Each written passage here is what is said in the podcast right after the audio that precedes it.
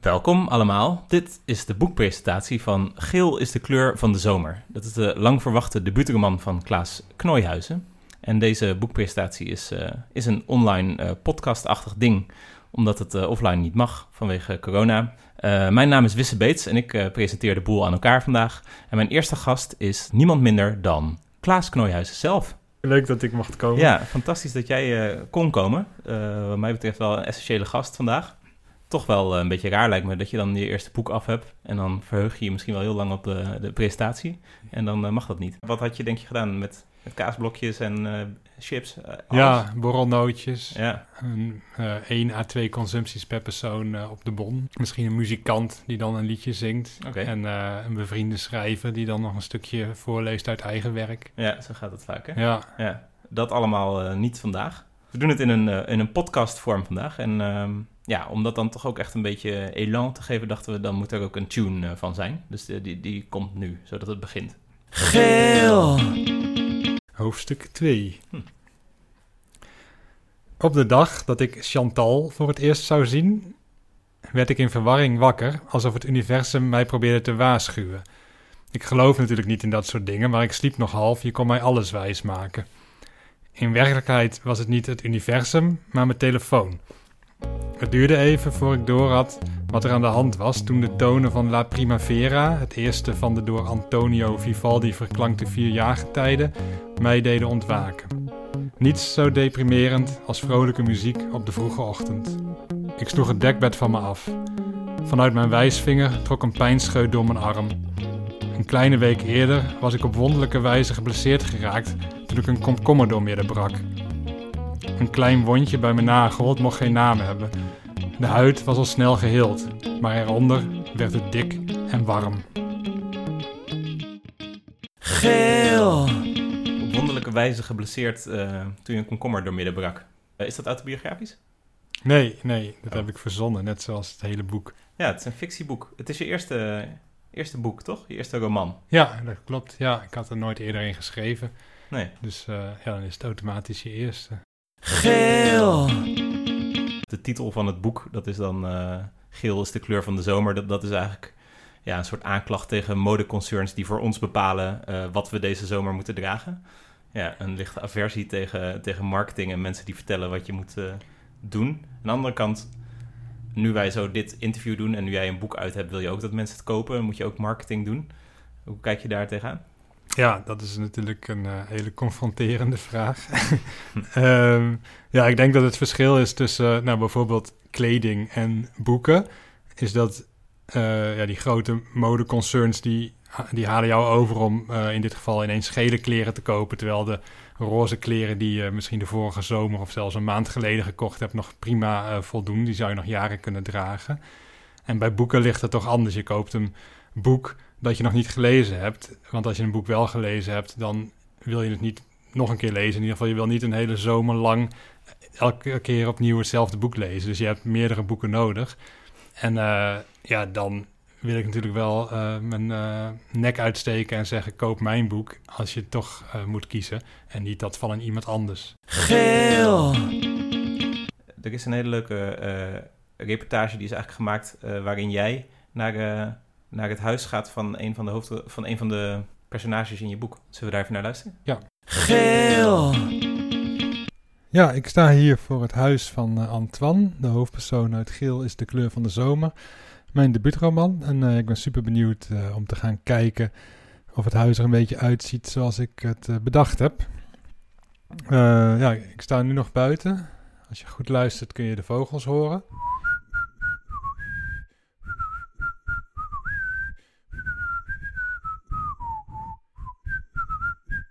Ze hebben de lente in hun bol, geloof ik.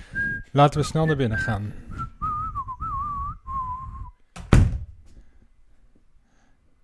Oké, dit is al best gek. Er is geen trap. In het boek is er een trap, maar hier niet. Zo zie je, het is allemaal fictie. Uh, ik ben nu inmiddels in de keuken waar de eerste scène zich afspeelt. Of een van de eerste scènes. Daar uh, bakt Wang, de huisgenoot van Antoine, die bakt een ei. En dat gaan ze dan lekker samen oppeuzelen. Het is grappig dat hier een radio staat. Dat is ook in het boek het geval. Eh, een, ja, zo'n ouderwetse radio met zo'n eh, draaiknop. En dat je dan zo'n balkje ziet met de FM-frequenties. Ik had eigenlijk verwacht dat ik dat verzonnen had, maar dat blijkt dan weer wel echt te bestaan. Nou ja, verder is hier niet zo heel veel te zien. Laten we even naar Antoine's eh, kamer gaan. Dat moet hier zijn. Het is een beetje donker hier. Even kijken of hier ergens een lichtknopje zit. Oh, jezus, gaat het? Oh, mijn geluidsman struikelt hier over een of andere doos. Oh, het is hier ook echt... Wat een bende, man. Of, nou ja, het is eigenlijk best wel opgeruimd, maar het staat vol met dozen. Het is echt niet normaal. Ik denk dat er eh, allemaal singles in zitten en, eh, LP's en zo die hij dan eh, via internet verhandelt. Man, het is echt helemaal volgebouwd. Hoe kun je hier wonen? Je zou, je zou hem zijn. Ik ben blij dat ik hem niet ben. Dit had ik toch ook zo niet allemaal bedacht. Het ruikt trouwens nog best wel aangenaam. Ik had een beetje een soort muf stinkhol verwacht. Maar het is, eh, nou, er wordt goed gelucht hier. Dat eh, spreekt dan weer voor hem. Fijne jongen is het toch eigenlijk. Ik zou er wel een boek over willen schrijven. Nou dat heb ik al gedaan. Nou, laten we teruggaan naar de studio. eh, want ik begin me toch een beetje ongemakkelijk te voelen zo. Je bent toch in iemands huis zonder dat je dat aangekondigd hebt. En dat is niet echt hoe we met elkaar omgaan in dit land. Dus ik ga weer naar buiten. terug naar de studio, zoals dat heet. Geel, Toen eh, Klaas mij vroeg om eh, deze boekpresentatie te presenteren, heb ik natuurlijk wat eh, research gedaan.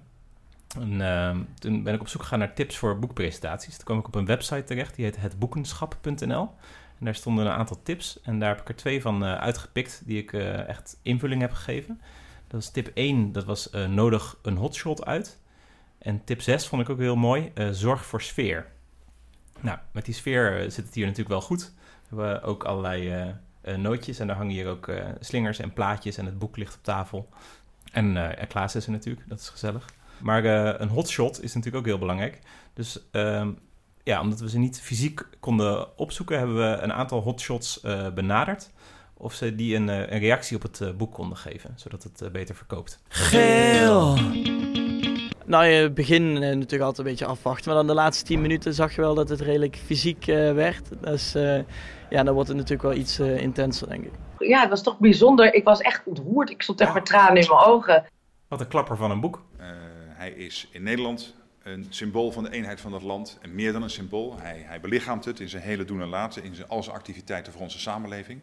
Maar ook internationaal is het natuurlijk iemand die ons land op een, op een buitengewone manier eh, vertegenwoordigt. geel, Zo, dat zijn niet de, de minste reacties. Is dat, eh, is dat mooi om te horen?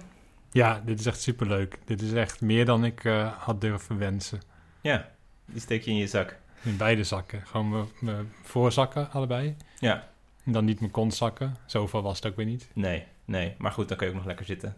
Precies. Ja, ja. Nou, toch mooi, want het is eigenlijk een helemaal digitaal eh, bijeenkomst. En dan toch nog eh, ook een emotioneel eh, momentje. ja. echt leuk. Wat we nu gaan doen is dat we één eh, personage uit het boek gaan eh, opbellen. Ik zal even kort het stukje voorlezen waar deze persoon eh, in het boek geïntroduceerd wordt. Dus Antoine die loopt over straat, de hoofdpersoon. En dan eh, komt hij een jongen tegen. En dat staat zo in het boek. Een jongen in een zwart trainingspak en met vlechtjes in zijn haar vangt mijn blik. Lekker chillen toch, zegt hij. Ik steek mijn duim op. Hij doet mij na. Als ze voorbij zijn, stoot hij een vriend aan en steekt hij opnieuw zijn duim op. Ze lachen hard. Dat eh, is het stuk. En die eh, jongen in het zwarte trainingspak, die eh, gaan we even bellen om een paar vragen te stellen. Hi, Hey, hallo. Goh, hey. hoi. In het boek staat een jongen in een zwart trainingspak met vlechtjes. En eh, j- jij bent in principe een blonde vrouw? Ja, Maar dat heb je met fictie, hè? Oké. Maar eh, was dat met die duim opsteken en alles wel eh, echt gebeurd? ja, ja dat, dat klopt wel. Eh, al, ja, mijn herinnering is ook niet zo heel scherp meer van dat moment. Maar ik kan me de avond wel herinneren. Ik zit trouwens buiten ook hoor. Dus als je af en toe iets hoort, dan eh, ja, komt er ook een scooter voorbij hier. Oké. Oh, je zit ook daar eh, buiten weer. Ja, Lekker. Ja. ja, ik zit daar heel vaak. Nou, goh, leuk om zo'n echte stem uit het boek een keertje te horen. Wat vond je ervan om in een boek te zitten eigenlijk? Dat was gek. Hm. Ja, ik, ik had nooit eh erover nagedacht hoe het zou zijn om in een boek voor te komen. Nee. Eh, het is toch bij een film of zo, iedereen stelt zich wel eens voor om in een film te spelen. Of misschien ook om in een talkshow of zo te zitten. Maar Mhm. een boek, daar had ik echt nooit, eh, nooit bij stilgestaan zelf ook. Dat Nee, nee. kon. Vooral een fictieboek eh, dan ook nog. Ja, Ja. ja. ja. Heb je het al gelezen? Nee, Nee. nee. Ik volgens mij eh, bijna niemand, toch? Nee. Nee, het is ook net uit vandaag eigenlijk. Ja, Ja. dus nou, ik, ja, ik, ga het wel, ik ga het wel lezen. Ik ben benieuwd. Ik heb goede dingen gehoord over het boek. Oh ja? Ja. Dat, dat is ook wel fijn, want anders zou ik me misschien ook nog schamen. Ja. Dan kom je een beetje in een boek, zit je in een kutboek. Nee, dat schijnt inderdaad heel erg mee te vallen. Tenminste, in deze podcast zijn ze heel eh, enthousiast erover. Oh, oké. Eh, wat voor podcast is dit eigenlijk? Ja, dat is inderdaad een goede vraag. Ja, het is een beetje een vaag eh, verhaal. Het is een soort Ah. boekpresentatie podcast, omdat het, nou ja. Nou, leuk zeg. ja. Veel plezier nog met de podcast. Ja, dankjewel. Ja, we kunnen wel een linkje sturen als het, eh, als het af is. Ja, heel veel plezier in het boek nog. En eh, tot eh, de volgende Ja. keer. Ja, dankjewel. Oké. Doei. Hey, tot later. geel, Wat mij nog opviel, eh, als je het eh, boek uit hebt, dan komen ook nog een keertje alle personages eh, voorbij als een soort aftiteling eh, van je boek. Hoe, eh, ja, hoe ben je daar op gekomen om dat te doen en waarom? Eh, dat vond ik sowieso leuk, omdat je dan eh, volgens mij dat boek nog een keer opnieuw beleeft. Als je al, al die personages ziet, zeker de kleinere personages, denk je, oh ja, verrek, die, eh, dat heb ik gelezen. Interessant, was ik alweer vergeten, zoiets. Het, het komt uit een film, Winter Brothers, denk ik dat je uitspreekt, een IJslandse film. In het Engels is het Winter Brothers. Zo Hm. is hij in Nederland volgens mij in de bioscopen gekomen. En in het Nederlands heet hij dan Winterbroers. Ja. En eh, daar zit, een, zit ergens op driekwart van de film zit ook een scène waarin iedereen ineens nog even in beeld komt. Eigenlijk op een andere manier dan dat ze in de film zitten. Dus ze kijken echt in de camera. En dat vond ik super eh, indringend. Eh, op die, in die film komt er dan ook hele vette muziek bij. En, ja, ik vond het echt een hele boeiende scène. Of een heel boeiend stuk in die film. Dus dat heb ik geprobeerd om ook in mijn roman te vangen. Om ergens op driekwart van het boek eh, alle personages nog eens voorbij te laten komen. En zeg maar als het ware in de camera te laten kijken. Maar dat is me niet gelukt. Ja, of het is een tekortkoming van mij, of het is gewoon omdat film en bo- boek een heel ander medium is. Waarin je gewoon niet dezelfde dingen voor elkaar kunt krijgen. Dus toen heb ik dat eh, ja, verplaatst helemaal naar het einde. En dat niet meer eh, op een hele literaire manier gedaan, maar gewoon al die namen nog eens een keertje genoemd. Maar wel met hetzelfde idee dat je toch even weer terug bent in de roman, ook al heb je hem uit. Nou, ik vind het een heel, eh, heel leuk boek en ik heb het, ja, ik heb het eigenlijk nog niet, niet gelezen. Ehm, goed, wat een klapper van een boek. Gefeliciteerd nogmaals. En eh, het ligt dus eh, vanaf vandaag toch in boekhandel ook, hè? niet alleen hier op tafel. Ja, nou, dat ligt er een beetje aan wanneer je luistert naar deze podcast. Maar dat is Oh ja. natuurlijk wel het voordeel van, van een podcast ten opzichte van een echte boekpresentatie. Dit blijft gewoon bestaan. Dit kun je ook bijvoorbeeld eh, een andere keer Ja, beluisteren. een andere keer. Ja, Ja, dan, ja. misschien zelfs nadat het boek al, al lang uit de handel genomen is, zou je dit nog steeds kunnen beluisteren. Dan moet je hem eh, antiquaire kopen. Ja. Dat kan ook nog. Maar het is voor jou ook een voordeel, want ik kan me voorstellen als je een boekpresentatie zou geven, zouden er misschien, ja, weet ik veel, 50 mensen komen of zo. Ja, Ehm, en sommige mensen zouden bijvoorbeeld niet kunnen. Die hebben dan al iets anders die dag. Eh, maar dan kunnen ze het gewoon later terugluisteren. ja. En, als, en, en er kunnen ook nu bijvoorbeeld 10.000 mensen deze presentatie gaan luisteren. Ja. Terwijl dat zou helemaal niet passen. Dan zou je de Ziggo Dome moeten afhuren. Ja, en dat, dat met is- anderhalve meter wordt dat ook nee, niet. dat lukt niet. Nee, dus eigenlijk is het nu wel heel, eh, heel geschikt allemaal. En wat ook een voordeel is, ehm, ik heb begrepen dat er eh, nog een muzikant de uitzending gaat afsluiten Ja, klopt. met een lied. En eh, je kan hebben dat onder de zenuwen dat dat lied niet lekker gaat of dat het er niet goed uitkomt, dat er foutjes gemaakt worden.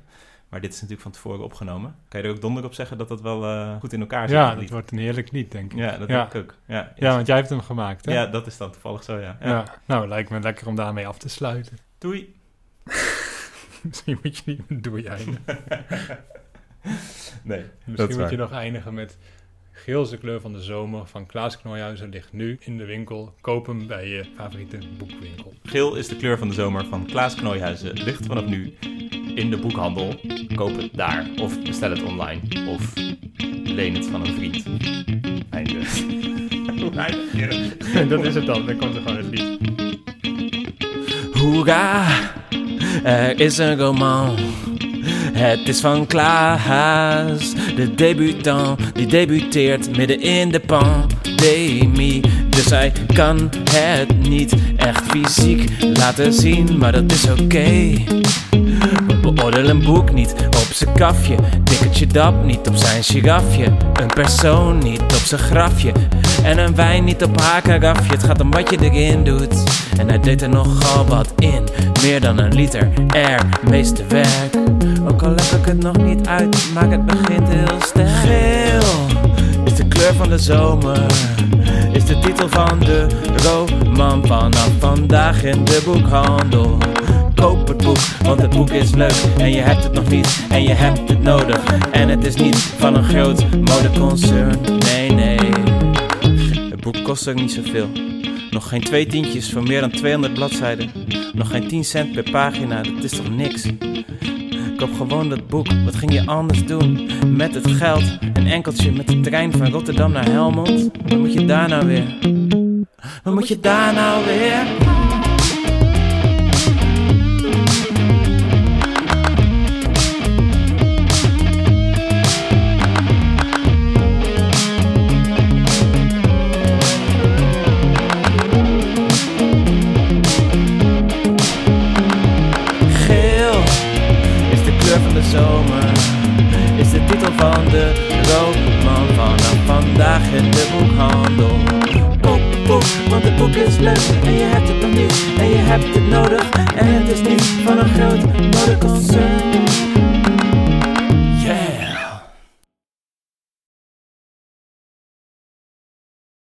Klaas, Ja, zou je nog een stukje willen voorlezen? ja, uiteraard. Ik dacht aan het stukje dat die eh, wielrennen aan het kijken is met het hondje op schoot. Dat hij dan eh, eventjes naar buiten wil. Aan het begin eh, is dat. Ja, zeg maar Ja. het begin van het boek. Precies, ja. Oké. Mijn schoot begint onbehagelijk warm te worden. De wielrenners moeten nog 99,3 kilometer wielrennen. Ik duw de hond zachtjes van me af en sta op. Kom, Avila, we gaan uit. Woef. Nee hoor, dat zegt hij niet. De buurt is van steen en beton. Geen graspriet waagt zich tussen de tegels. Avila's nagels tikken op de stoep als een op hol geslagen horloge. Niet het flauwste vermoeden heeft hij dat zich vlak onder hem een netwerk van kabels, buizen en leidingen bevindt dat gas, internet, elektriciteit en water naar de mensen brengt en rel voor kak. Zijn lijfje schuurt langs mijn been en elke zoveel meter kijkt hij even naar me op, alsof hij verliefd is. Ik ben geneigd te zeggen dat het mijn hond niet is, dat ik alleen maar op hem pas, zodat zijn baasje naar een bruiloft kan. Niet dat het iemand iets lijkt te kunnen schelen dat we hier lopen. De mensen die we tegenkomen staren naar hun telefoon of voor zich uit. Slechts een enkeling merkt ons op. Met ons bedoel ik Avila. Hij vangt alle aandacht. Wat me, wat me opvalt is dat eh, kabels, buizen en leidingen redelijk veel aandacht krijgen in dit boek. Jouw hoofdper- hoofdpersonage is, eh, hij is een kabelexpert. Nou, dat is een beetje veel gezegd. Hij Hm. heeft een, eh, een baantje gehad bij een eh, firma in buizen en leidingen. Ja, daar is hij via het uitzendbureau terechtgekomen. En eh, ja, ik vond het goed bij deze jongen passen, omdat eh, buizen en leidingen hebben natuurlijk iets heel banaals en eh is niet echt iets waar je waarschijnlijk een passie voor opbouwt. Maar het is best belangrijk. De hond eh, komt hier ook voorbij, die speelt ook een grote rol in het boek. Ehm, ik krijg op de manier waarop je die hond beschrijft, heb ik het gevoel dat je zelf geen eh, huisdier hebt. Klopt dat? Oh, nou dat klopt wel, maar ik heb diverse huisdieren gehad. En Oh ja. ook wel een passie voor honden. Oh joh, Maar je bedoelt dat hij hem niet heel sympathiek lijkt te vinden of zo? klopt. Ja, hij schaamt zich min of meer voor het hebben van de hond. Ja, dat eh, las ik net voor inderdaad. Ja, nou ja, dat is eh, het zoveelste bewijs van eh, het feit dat dit een fictieroman is. Daar heb je me weer. ja, eh, vandaar dat hij ook geen Klaas heet dus. ja, inderdaad. Nou, zo komt alles bij elkaar. Geel is de kleur van de zomer. Is de titel van de roman vanaf vandaag in de boekhandel. Want het boek is leuk en je hebt het nog niet en je hebt het nodig. En het is niet van een groot modeconcern.